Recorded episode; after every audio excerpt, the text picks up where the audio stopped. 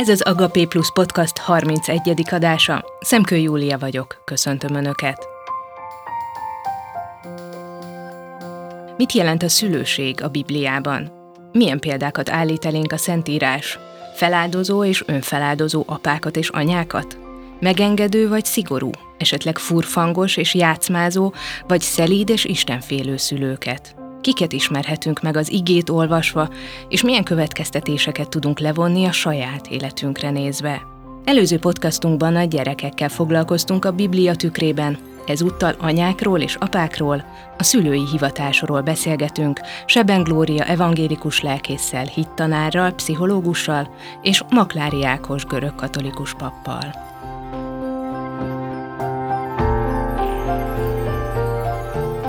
Mindkettőtöknek vannak gyerekei. Ti hogyan készültetek a szülőségre annó?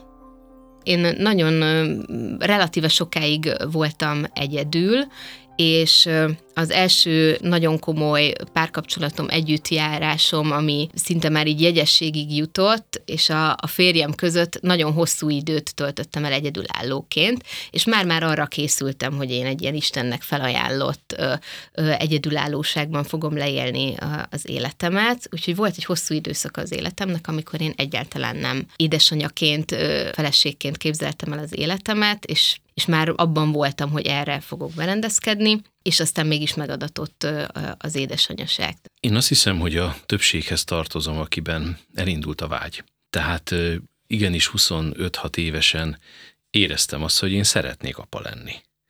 És az a, az a mennyasszony, az a feleség, az a fiatal lányasszony, aki, akit a Jóisten nekem adott, ő, ő is érezte. És szerintem ez a vágya fontos és azt látom, hogy azért az emberek többsége ma is előbb-utóbb elkezd vágyódni a gyerek után, azon veszi észre magát, hogy megáll a játszótér mellett, és bámulja a gyerekeket, vagy, vagy, vagy elkezd mosolyogni, ha jön szembe egy babakocsis.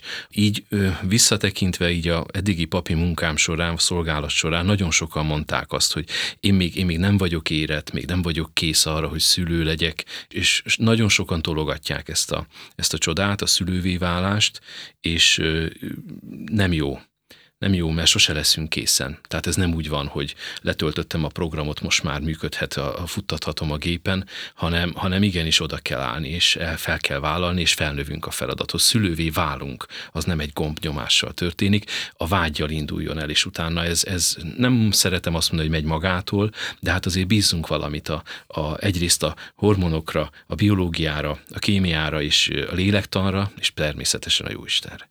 Hát igen, mert hogy az első mondatok egyike, amit kaptunk emberként Istentől, hogy szaporodjatok és sokasodjatok. Hála Istennek. Hála Istennek, hogy így vagyunk idézőjelben háromszor programozva, hogy, hogy az emberek többsége, aki szülővé válhat, nincs akadálya, mert sajnos sokszor ez nem történhet meg, de van a szülő biológiai szülőségnek más aspektusa is, és lehetősége is az örökbefogadásra, a lelki örökbefogadásra gondolok, talán lesz szó is erről. Tehát ez, ez a Jóisten ajándék, hogy szülővé válhatunk, és, és az ember kiteljesedése, önmegvalósítása, amit manapság nagyon divatosan sokszor használunk. Amellett, hogy házastárs lehetek, amellett a szülőség, mint olyan, azt hiszem, hogy a kiteljesedésünk és meg önmegvalósításunknak egyik legfontosabb területe. Ezért mondom, hogy hála Istennek, hogy, hogy szülővé válhatunk, arról nem is beszélve, hogy ha szabad így az elején megidézni Kop Máriát, aki ugye azt mondta például férfiaknak tanácsként, hogy pelenkász tovább élsz. Tehát az apává válás, ha most az édesapákat hozhatom elő, az igenis egy egészségvédő faktor a férfiak életében, különösen ebben a mai rohanó világban, és az apasság az az, az, az, az életminőséget is befolyásolja. Biztos vagyok benne, hogy az, a női nemnél, az édesanyáknál is ugyanígy van. Mit jelent a szülőség annak fényében, hogy ez egy isteni felkérés? Számomra ez a parancsolat, ugye parancsolatként szoktuk így emlegetni, hogy szaporodjatok és sokasodjatok, hogy ez az első parancs, amit kap az ember a Bibliában. Ez egy csodálatos meghívás arra, hogy mi Istennek ezt a teremtő munkáját folytassuk, vagy ebben valamilyen módon részt vegyünk, belekapcsolódjunk ebben, mert ugye azt valljuk, hogy nem csak az első emberpárt teremtette az Isten, hanem azóta is minden egyes gyermek, minden egyes magzat, minden egyes megfogant élet az ő teremtő munkájának az eredménye, és mi ebbe kapunk meghívást, hogy ebbe, ebbe belekapcsolódjunk. Tehát számomra a szülősége ennek a misztériumába való becsatlakozást is jelenti. Mi célból teszi szülővé a férfit és a nőt? Isten. Én azt gondolom, hogy ennek van egy nagyon fontos tanító-nevelő funkciója is, tehát hogy tanít bennünket azáltal, hogy szülővé válhatunk, meg, meg a gyermekeket is, illetve ugye az embert Isten a saját képmására teremtette, és ezért mi gyermekként először a szüleinkben találkozunk ezzel az isteni képmással, és ezáltal lehet a teremtőnkről is egy, egy istenkép magunk, az, az itt kezd igazából fejlődni, itt kezd növekedni, tehát az, hogy mit jelent a szeretet, mit jelent a gondviselés, mit jelent a hatalom, mit jelent szeretetnek lenni, azt jó esetben először a, a szüleinken keresztül tapasztaljuk meg, és ezáltal az isteni gondviselésnek és az isteni szeretetnek is a részeseivé válhatunk. Nehéz ehhez bármit is hozzátenni, nagyon szépen megfogalmazta Glória. Én nagyon sok eh, emberrel találkozom papi hivatás során, nagyon sok eh, hölgyel, nővel, és én még olyat sose hallottam egy nőnek a szájából sem, hogy megbántam, hogy megszültem azt a gyermekemet. Viszont eh, sokkal, de sokkal rengetegszer hallottam azt, hogy, hogy sajnálom, hogy nem szültem még egyet, vagy nem szültem többet vagy eleve, hogy nem szültem.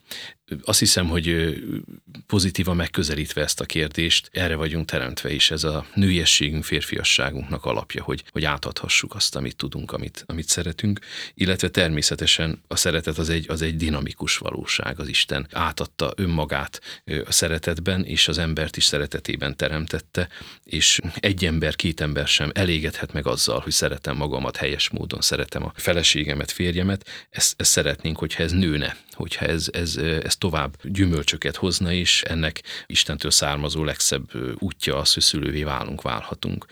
Mit jelent a Szentírásban az, hogyha egy pár, egy férfi, egy nő anyává és apává válhat? Az Isten felől, az Isten irányából a Szentírásban ennek milyen szerepe van?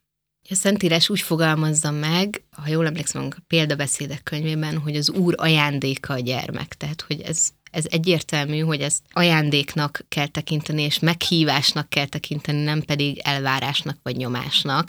Tehát azért a Szentírás is ismeri azt, hogyha valaki valamilyen okból egyedül marad, házastárs nélkül, valamiért nem születik gyereke, gyermeke. Ugye a Szentírás is ismeri a meddőséget, a gyermektelenséget, nem tartja a pozitív dolognak, tehát alapvetően ezt egy, ezt egy negatív dolognak tartja, de mindazonáltal a a gyermektelenül maradt ö, nőnek például nincs, hogy mondjam, nincs ő egy átok alatt, vagy, vagy nincs az Istentől elválasztva, tehát szabad így fogalmaznom, nem üdvösség kérdés a, a gyermekvállalás a Bibliában, ezt semmiképpen sem mondanám, hanem egy, egy nagyon szép meghívás és egy nagyon szép lehetőség, és nagyon izgalmas az, hogy ezeknek az asszonyoknak nagyon sokszor üdvtörténeti jelentőségük is van, például ugye maguk az ősanyák is küzdenek ezzel, akkor Sámson bírának az édesanyja, Sámuel profétának az édesanyja, és az új szövetségben ugye Erzsébet, keresztelő János édesanyja az utolsó ilyen az Ószövetség és az Új Szövetség határán egy ilyen kitüntetett helyzetben lévő figura, akinek a gyermektelenségén végül is az Isten áldása segít.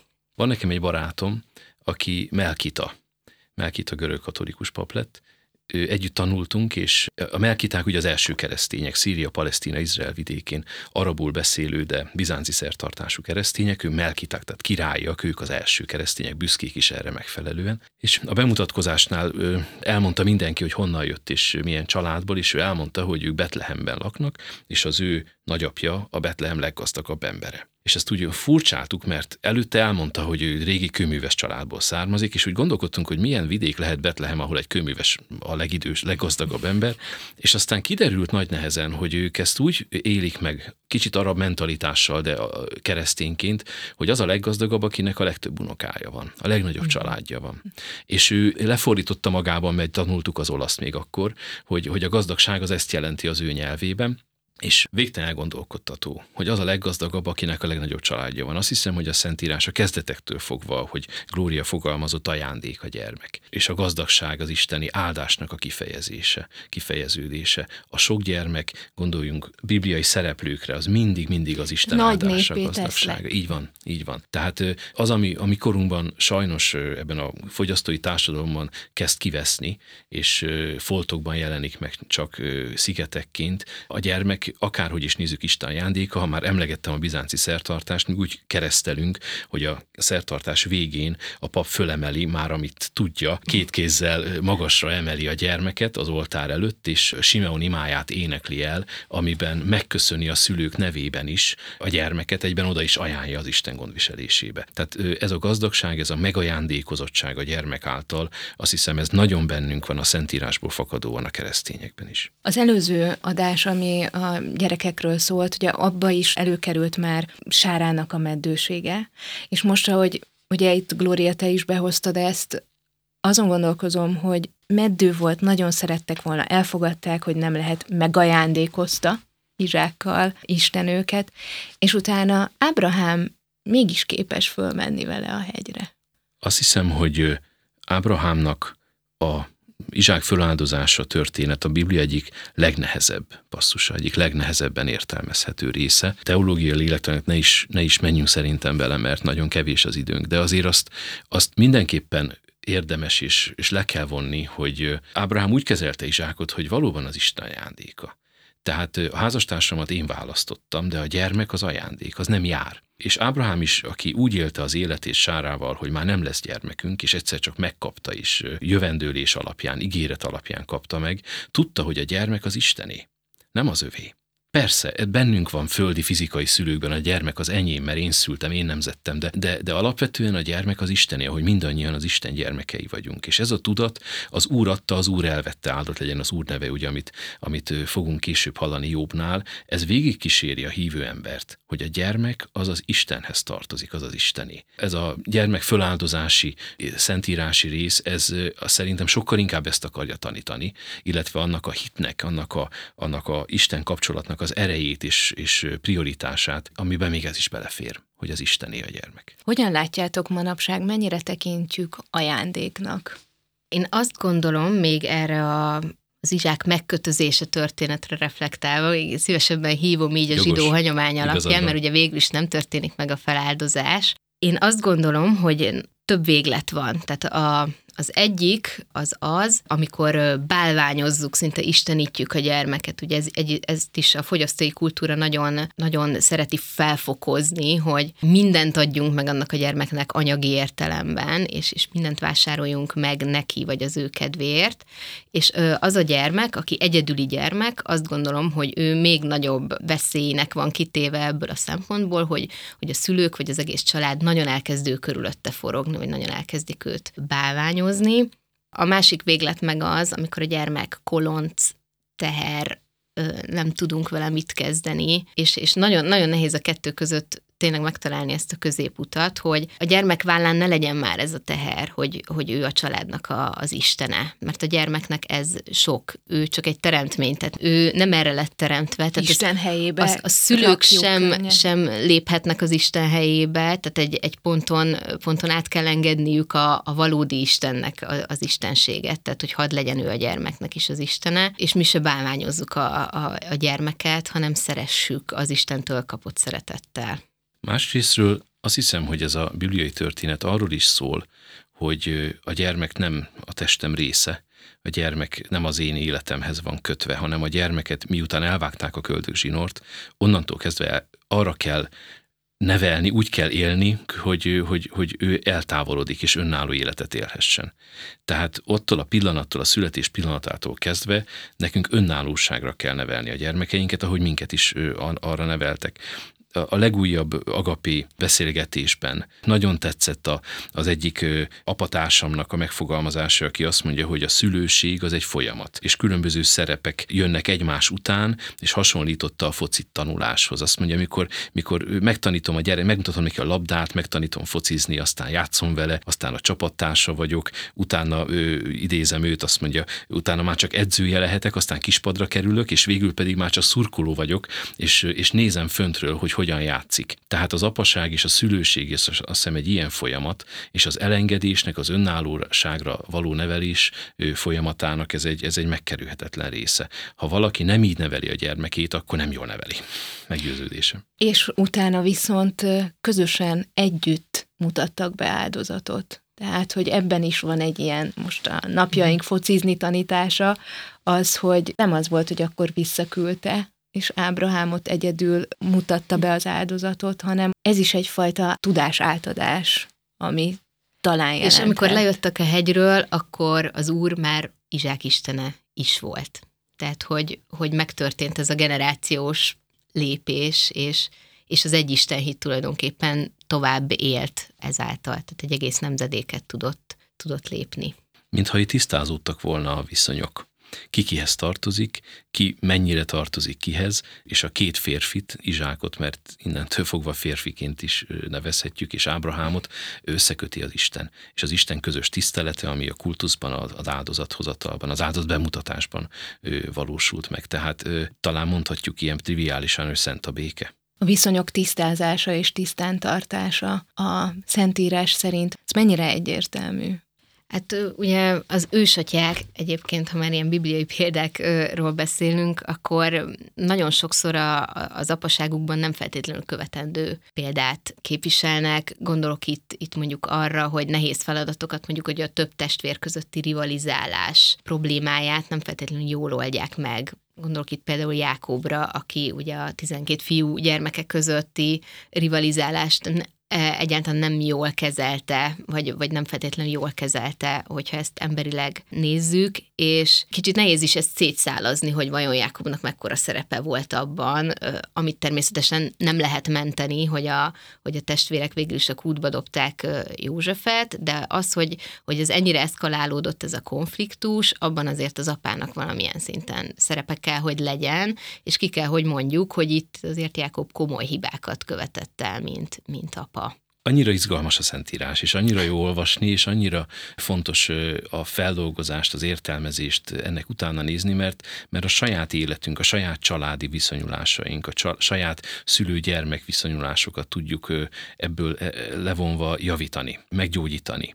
Tehát érdemes olvasni a Szentírást, ebből is látszik, ilyen szempontból is. Én Jákobnál egy, egy másik aspektus szeretnék kiemelni, ugye ő, hogy ő másodszülöttként Ézsaut háttérbe szorította, és elsőszülött lett, ott nagyon benne volt anyuci, aki, Igen, aki, aki Jákobot nagyon szerette, és Jákobot tolta, és mindent elkövetett azért, hogy a kedvence érvényesüljön, ebből lett is elég nagy galiba, de azt gondolom, hogy, hogy Jákobnak szüksége volt ahhoz, hogy férfivá váljon, hogy ő is szülő lehessen, és most időben egy kicsit Lória elé úrom, fontos volt az, hogy le tudjon válni anyuciról.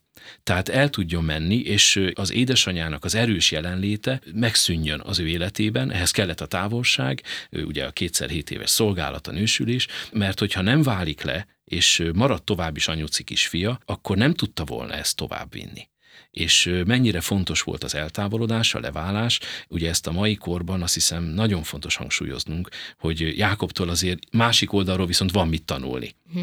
A férfi elhagyja apját és anyját. Így van. Ragaszkodik feleségéhez. Tehát ez, ez, ez nagyon fontos szerintem is, tehát hogy, hogy anélkül, hogy leválnánk a, a saját szüleinkről, nagyon nehéz az új családot megalapítani. Lehet, hogy fizikailag megtörténik, de hogy ott, ott lelkileg akkor lehet, hogy nagyon túlerős szimbiózisban lesz akkor a két, két család rész. Le vannak osztva a szerepek? Mm, nem feltétlenül. Ez nagyon személyiség függő is, meg kulturálisan is nagyon sokszor meghatározó az, hogy, hogy mit kaphatok apámtól, mit, mit kaphatok anyámtól. A mi kis családunk egyébként nagyon rendhagyó abból a szempontból, hogy nálunk a férjem is volt gyeden az első kisfiunkkal is, és, és most is éppen gyeden van március óta, hogy én a doktorimat be tudjam fejezni, ami egyébként azt jelenti, hogy én is nagyon sokat vagyok otthon, tehát még nincs egy éves ugye a második kisfiam, viszont rengeteget van, vannak a gyerekeim az apjukkal. És számomra nagyon inspiráló példa Szent Józsefnek, tehát az új szövetségi Józsefnek a példája, akit katolikus templomokban gyakran ábrázolnak, ugye úgy, hogy a kis Jézus az ő karján is van, tehát nem csak Mária karján, hanem az ő karján is és számomra nagyon inspiráló az, én mindig így látom magam előtt Józsefet, hogy ő egy ilyen, ilyen nagyon erős, de, de gyengéd apa is, tehát hogy, hogy onnan is kap egy, így képzelem, hogy egy érzelemgazdag, de egy védelmező, egy, egy gyengéd apai jelenlétet. Jézus, és József ugye egy nagyon, nagyon izgalmas karakter, mert Reményik Sándor azt írja róla, ugye egyes szem első szemében fogalmaz, hogy apja volnék, és mégsem az vagyok, tehát hogy ő például egy olyan karakter a Bibliában, akit nem fűzvérségi genetikai kötelék a, a gyermekéhez, és mégis nagyon fontos ő ebben az apa szerepben, megtanította az ácsmesterségre, hogy a régi idők apái nem egy ilyen elmegyek a munkahelyre, és akkor 12 óra múlva esetleg visszajövök, hanem, hanem egy, egy sokkal szorosabb egységben voltak együtt a gyerekeikkel. Apa fiúra hagyta nagyon sokszor a szakmáját, a hivatását, és a fiak megtanulták ezt. Az apaságot én egy ilyen sokkal közelebbi dolognak látom a Bibliában, érzelmileg sokkal közelebb lehettek a gyermekeikhez, mint, mint sok mai édesapa sajnos. Ákos atya, hogy látod? Mi a hat szem közt vagyunk, én is hogy a saját példával, hogy mondjam el, hogy ilyen szűk körben, hogy, hogy nekem édesapám, nem voltam hat éves, mikor meghalt, és nem volt nevelőapám, édesanyámmal egyedül maradtunk, öt gyermek, és mondhatni, hogy apa nélkül nőttem föl.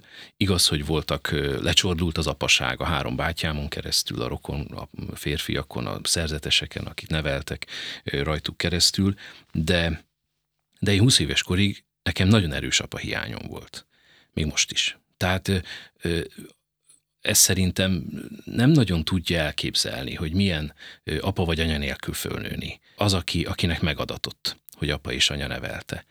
És éppen ezért én azt gondolom, hogy édesanyám mindent megtett azért, hogy valahol biztosan ösztönösen is meg megimádkozta, hogy tudja nekünk pótolni az apát. De hát nem tudja, nem tudta. Teljesen nem tudta, mert ez egy lehetetlen vállalkozás, mert egy édesanyja édesanyja.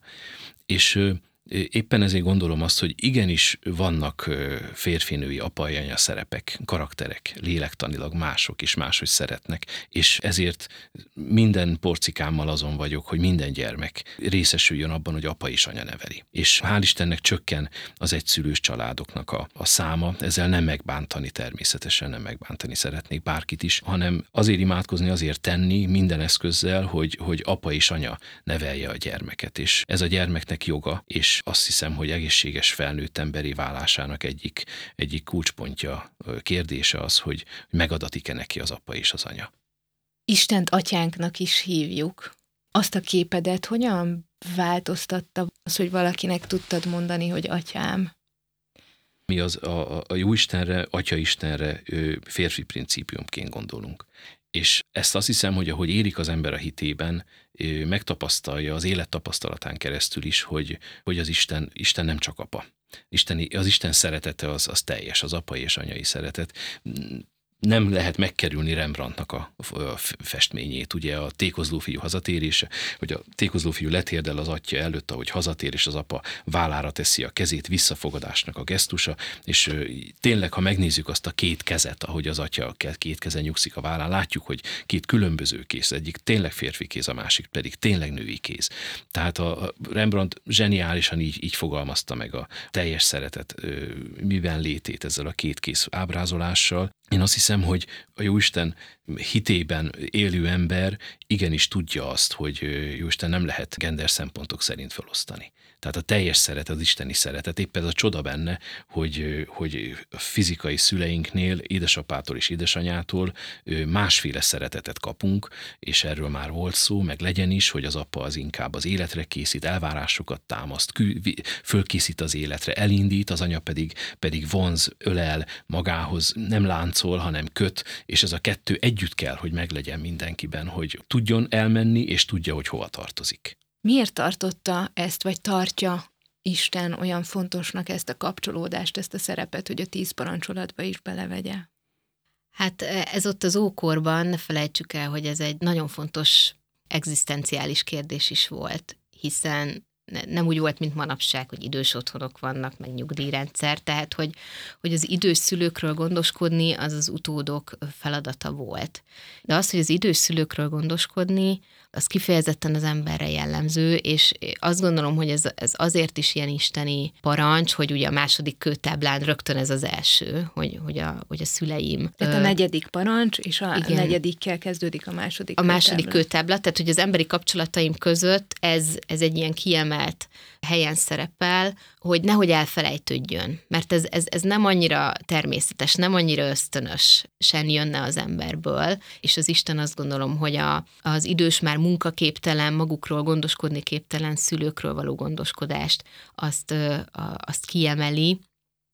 Ugyanakkor azt is gondolom, hogy, hogy ez akkor szerencsés, hogyha egy őszinte hálából következik, hogyha már felnőtt gyermek látja és belátja azt, hogy, hogy az ő szülei mit tettek érte gyermekkorában, és hogyan gondoskodtak róla, és magától értetődővé tud válni mégis ez a, ez a gondoskodás. Tehát, hogyha nem egy ilyen kényszerítő erejű parancsként fogjuk fel, hanem, hanem meglátjuk azt, hogy mi mit kaptunk esetleg az előző generációtól, és ezt hálás szívvel viszonozni tudjuk. Tiszteld atyádat és anyádat, így szól a parancs, de szülőként rá kell szolgálni arra a tiszteletre, hogy utána hálásan segítsék, kell azért valamit tenni szülőként, hogy a gyerek tiszteljen.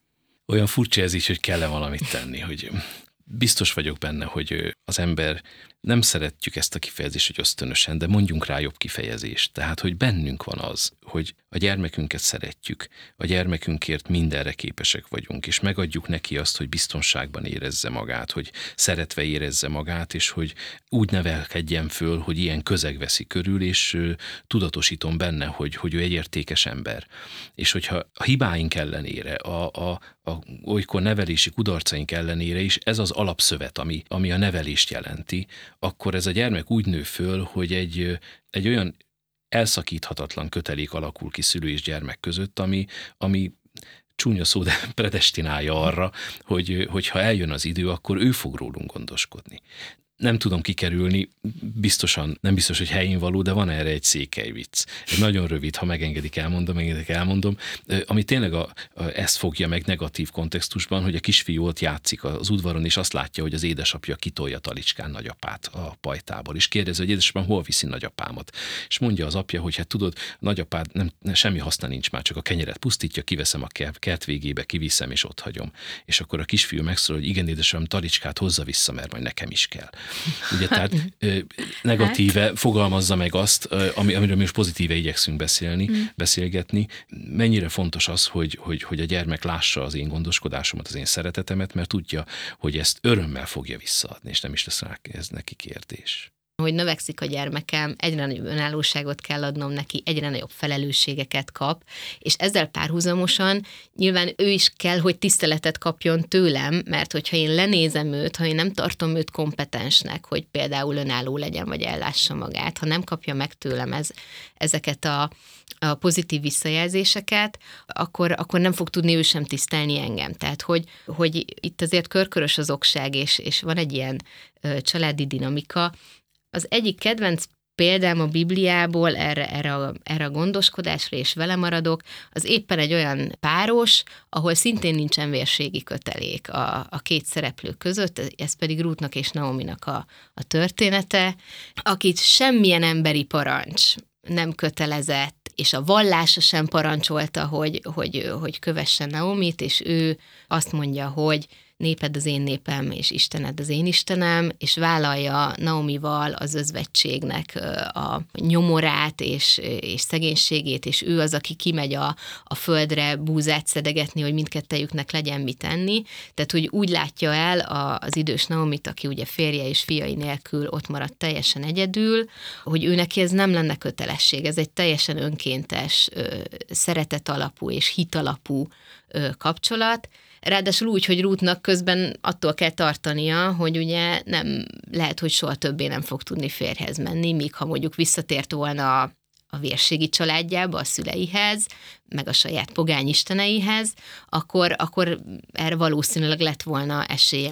És itt jön az Istennek a kegyelme, hogy mégis megadja azt, hogy Rút férhez mehet Elimeleknek egy távolabbi rokonához, és megszületik a, a kisfiúk, aki egyébként Dávid király nagyapja lesz, majd felnőve, és Naomi úgy ringatja ezt az egyébként genetikailag nem az ő unokája Óbéd, de úgy ringatja az ölében, hogy, hogy ez tényleg az Isten ajándéka. Én annyira örülök, hogy ezt felhoztad, mert a, a szülőségnek ugye speciális ágazata az örökbefogadás. És én itt egy lelki örökbefogadást érzek, hogy azt írja a Szentírás, hogy aztán Orpa megcsókolta anyósát, ugye a másik menny, és visszatért népéhez, Rút azonban belecsimpaszkodott. Tehát, hogy ez a kifejezés, hogy ráakasztotta magát, belecsimpaszkodott, ez, ez, egy, ez egy rendkívül erős akarati döntés. És ez már nem fontos, hogy nem, test, nem testik vérségi kötelék van közöttünk, ahogy Noémi és Noéminek mondjuk mi, és, és Ruth között kialakult ez a, ez a több mint vérségi kapcsolat, igenis kialakul az örökbefogadó szülő és az örökbefogadó gyermek között ez a, ez, ez a, ez a mindennél erősebb kötelék, ez a belecsimpaszkodás.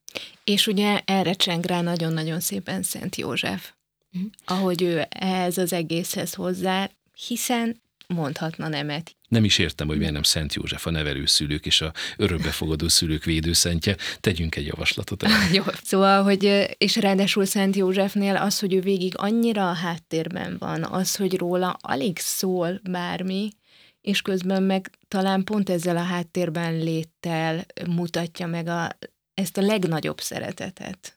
Biztos, hogy neki is megvoltak a maga meccsei a lelkében. Egy kicsit utal is rá a Szentírás azért az álmatlanság, álom, vívódik. a vívódás, az ikonokon is mhm. úgy ábrázoljuk ott a karácsonyi ikonon, hogy töpreng magába fordulva, ott egy szőrös ö, ember ott kísérti a gondolatilag, az sátán ugye a kísértő ott van ábrázolva az ikonokon. Tehát ö, ö, neki is megvoltak a maga kemény éjszakái és gondolatai minden bizonyal, de melyikünknek nincs. És azt hiszem, hogy Szent József példája, élete és döntése nagyon megerősítő mindazoknak, akik azon gondolkodnak, hogy vállaljunk-e még egy gyermeket, vagy merjünk-e örökbe fogadni.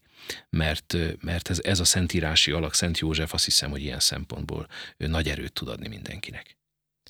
És ha már örökbefogadás, akkor hadd említsem meg még a másik kedvencemet, az egyiptomi fáraó lányát, aki Mózest kihúzza a vízből, és rögtön átlátja, hogy, hogy a héberek gyermekei közül való, és, és ez azért nagyon izgalmas, mert hogy ez nem csak örökbefogadási történet, hanem szinte kicsit ilyen nevelőszülős is, vagy ilyen szoptatós dajka történet is, mert hogy Miriam ugye előlép a sás közül, és akkor mondja, hogy tudok el egy Héber asszonyt, aki szoptatná neked a, a gyermeket, és akkor a saját szülőanyjához visszakerülhet Mózes, és aztán meg megkapja az egyiptomi fáraó lányától azt, a, azt az intellektuális növekedést, amit meg a fáraói udvar biztosíthatott, és valahol, mintha mind a kettő kellett volna ahhoz, hogy Mózesből szabadító lehessen, mind, mind a két anya, anyára szüksége volt a, a testi anyára is, meg arra az anyára, aki pogánynő létére mégis szembeszállt az apja parancsával, és, és, és irgalmas tudott lenni ehhez a kvázi halára ítélt gyermekhez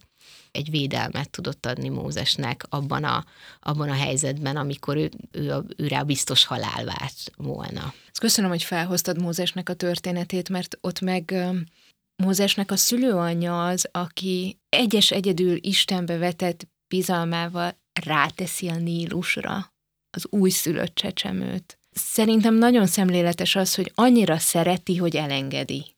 Mert azért egy anyának azt mondani, hogy elhagyom, vagy leteszem a gyerekem, vagy a jó sorsra bízom, vagy az úrra bízom.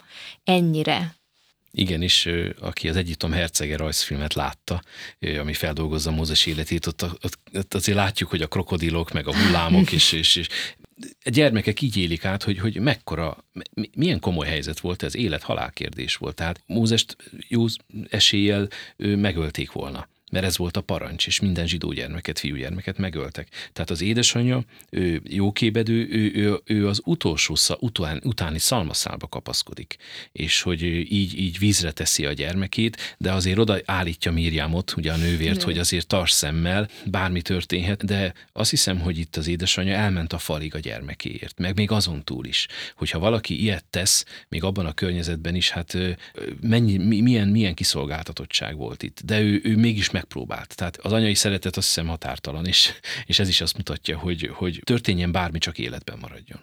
Van bennem egy, egy nagy szeretet azok iránt, az édesanyák iránt, akik beleteszik a kórházi inkubátorba gyermeküket. Kicsit ez a, ez a lezárt mózes kosár jut erről mindig eszembe. Igen, hogy, hogy életben maradjon, és imádkozom érte, és remélem, hogy, hogy, hogy családra tud találni.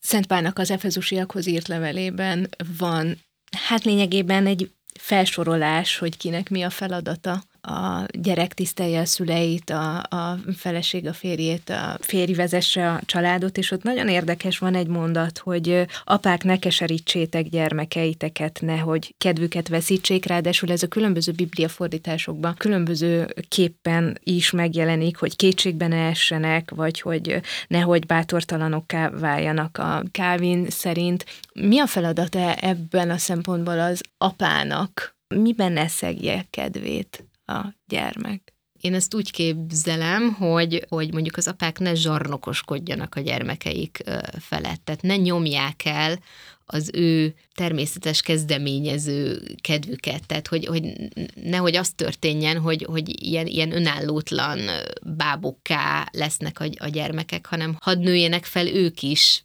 férfivá és nővé a, a leánygyermekek. Tehát, hogy ennek a, az apák azért nagyon-nagyon fontos résztvevői. Sokszor van az, hogy talán a Szent Páli idézet is ebben a kontextusban érthető, hogy, hogy az erős apa el tudja nyomni a gyermekeit, különösen a fiait.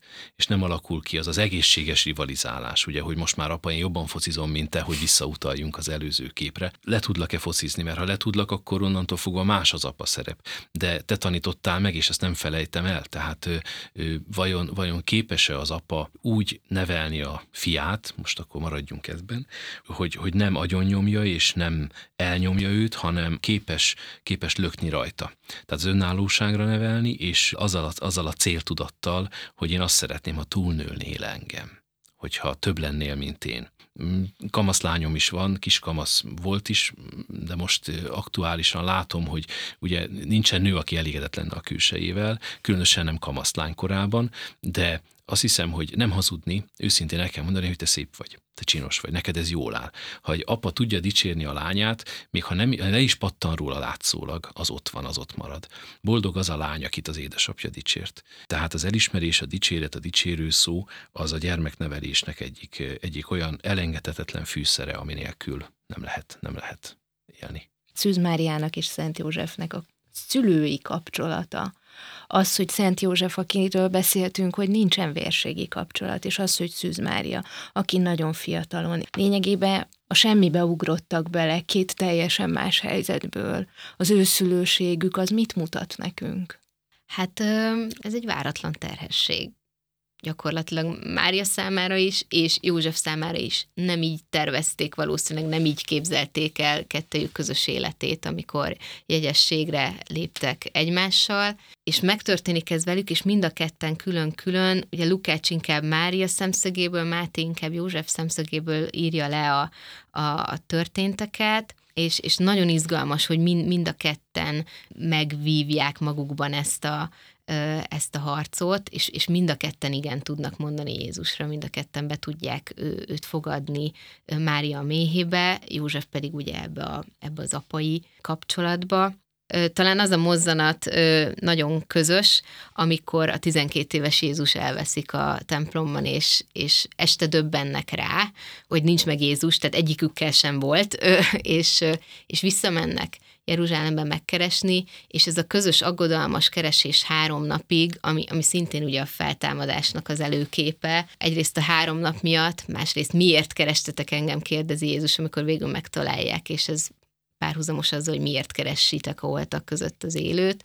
Tehát, hogy, hogy ez a három napi együtt, együttes aggodalmas keresés, majd Jézusnak a visszakapása, ez egy közös élményük lehetett, ami által azt gondolom, hogy, hogy József a feltámadás részesévé vált tulajdonképpen. Egy, egy ilyen kis elő, előízét ő is megérezte a, a feltámadásnak. Én nagyon szeretem a Passió című filmben, Mel Gibson filmjében azokat a részeket, amikor Jézus kínszenvedése közben visszagondol, visszaemlékezik a názáreti otthonra. És hát ez a művészi szabadság, hogy milyen képek lefröcskölte Szűz Máriát, és akkor kacagtak meg, vagy tréfálkoztak. Miért ne? E, életszerű biztosan megtörtént, vagy valami hasonló. Tehát a legnagyobb kínok között is Jézus visszanyúl a, a názáreti béké, názáreti otthonhoz. Az, hogy a Isten fia egy házasságba testesül bele, születik bele, hogy József és Mária kapcsolatába születik, az az atya akarata volt. Az az üdvösség történetnek az origója. Tehát ez az Isten akarata, hogy a legnormálisabban és a legtermészetesebb közegbe szülessen meg az ő fia itt a földön. Tehát az, az atya és az anya szeretete és szeretet kapcsolata az jár a, a megtestesült Krisztusnak is, és szerintem ez a mi világunkban, a mai világban, amikor minden megkérdőjeleződik sajnos, akkor ez, egy, ez megint egy olyan biztos pont, amiből, ami, amit nem lehet vitatni. Tehát ez nem véletlenül alakult így. Lehetett volna máshogy is, százezer forgatókönyv alapján eljöhetett volna Krisztus, de az atya azt akarta, hogy József és Mária kapcsolatába, házasságába szülessen bele. Mi ez, ha nem a, a családmodell isteni eredete? Az, hogy lényegében a Szentírás az egy nagy családtörténet. Ez mit akar üzenni, vagy mit jelent, hogy Krisztus családfáját, Krisztus család történetét olvashatjuk végig. Ugye az egészen a jövőben nyúlva. Tulajdonképpen a Szent Háromságos Isten az is már egy közösség, már, már egy család, ahol talán a Szentléleknek vannak ilyen, ilyen anyaibb, vagy, vagy ilyen nőiesebb vonásai sokszor, mert az atyát, meg a fiút, meg, meg nagyon sokszor tényleg ilyen férfiasan képzeljük el. Isten már eleve egy szeretett közösség, egy, egy szeretett kötelék, és, és ő ebbe von be bennünket, és a földi család az, az ennek lehet valamiféle előképe, és a gyülekezet, a, az egyház, az az Isten családja, és akik oda tartoznak, azok az Isten gyermekei és egymás testvérei, és ez lehet egy új család, ami, ami azért így túl is mutat ezen a természetes családképen, és az az agapé szeretet, amit ott megtapasztalhatunk, az, az túlmutat még ezen a természetes szereteten is, amit a, amit a családban, mondom, ideális esetben megtapasztalhatunk. Nekem az első gondolatom ezzel kapcsolatban az, hogy ebben mi is be vagyunk oltva. Ti vagytok a szőlőveszők, én vagyok a szőlőtő. Tehát ez a világ legnagyobb családsztori, a családtörténete, aminek én is részese vagyok. És szélfutta levél a világ, de hol az ág, de ki az ág, ugye írt az Elk Zoltán. Tehát én is kapcsolódom ehhez, mint 2023 egyik kereszténye ehhez a családhoz, mert, mert az Atya Isten gyermekei a családtagjaim, az elődeim, az utódaim is, és én is részese vagyok ennek a csodálatos történetnek. Tehát én azt hiszem, hogy így, így személyesen be vagyunk oltva a keresztségünk által is, az Ó és az Új Szövetség világába, érintve vagyunk, és nem, nem mondhatom azt, hogy én kívülállóként nézem ezt az egészet. Be vagyok oltva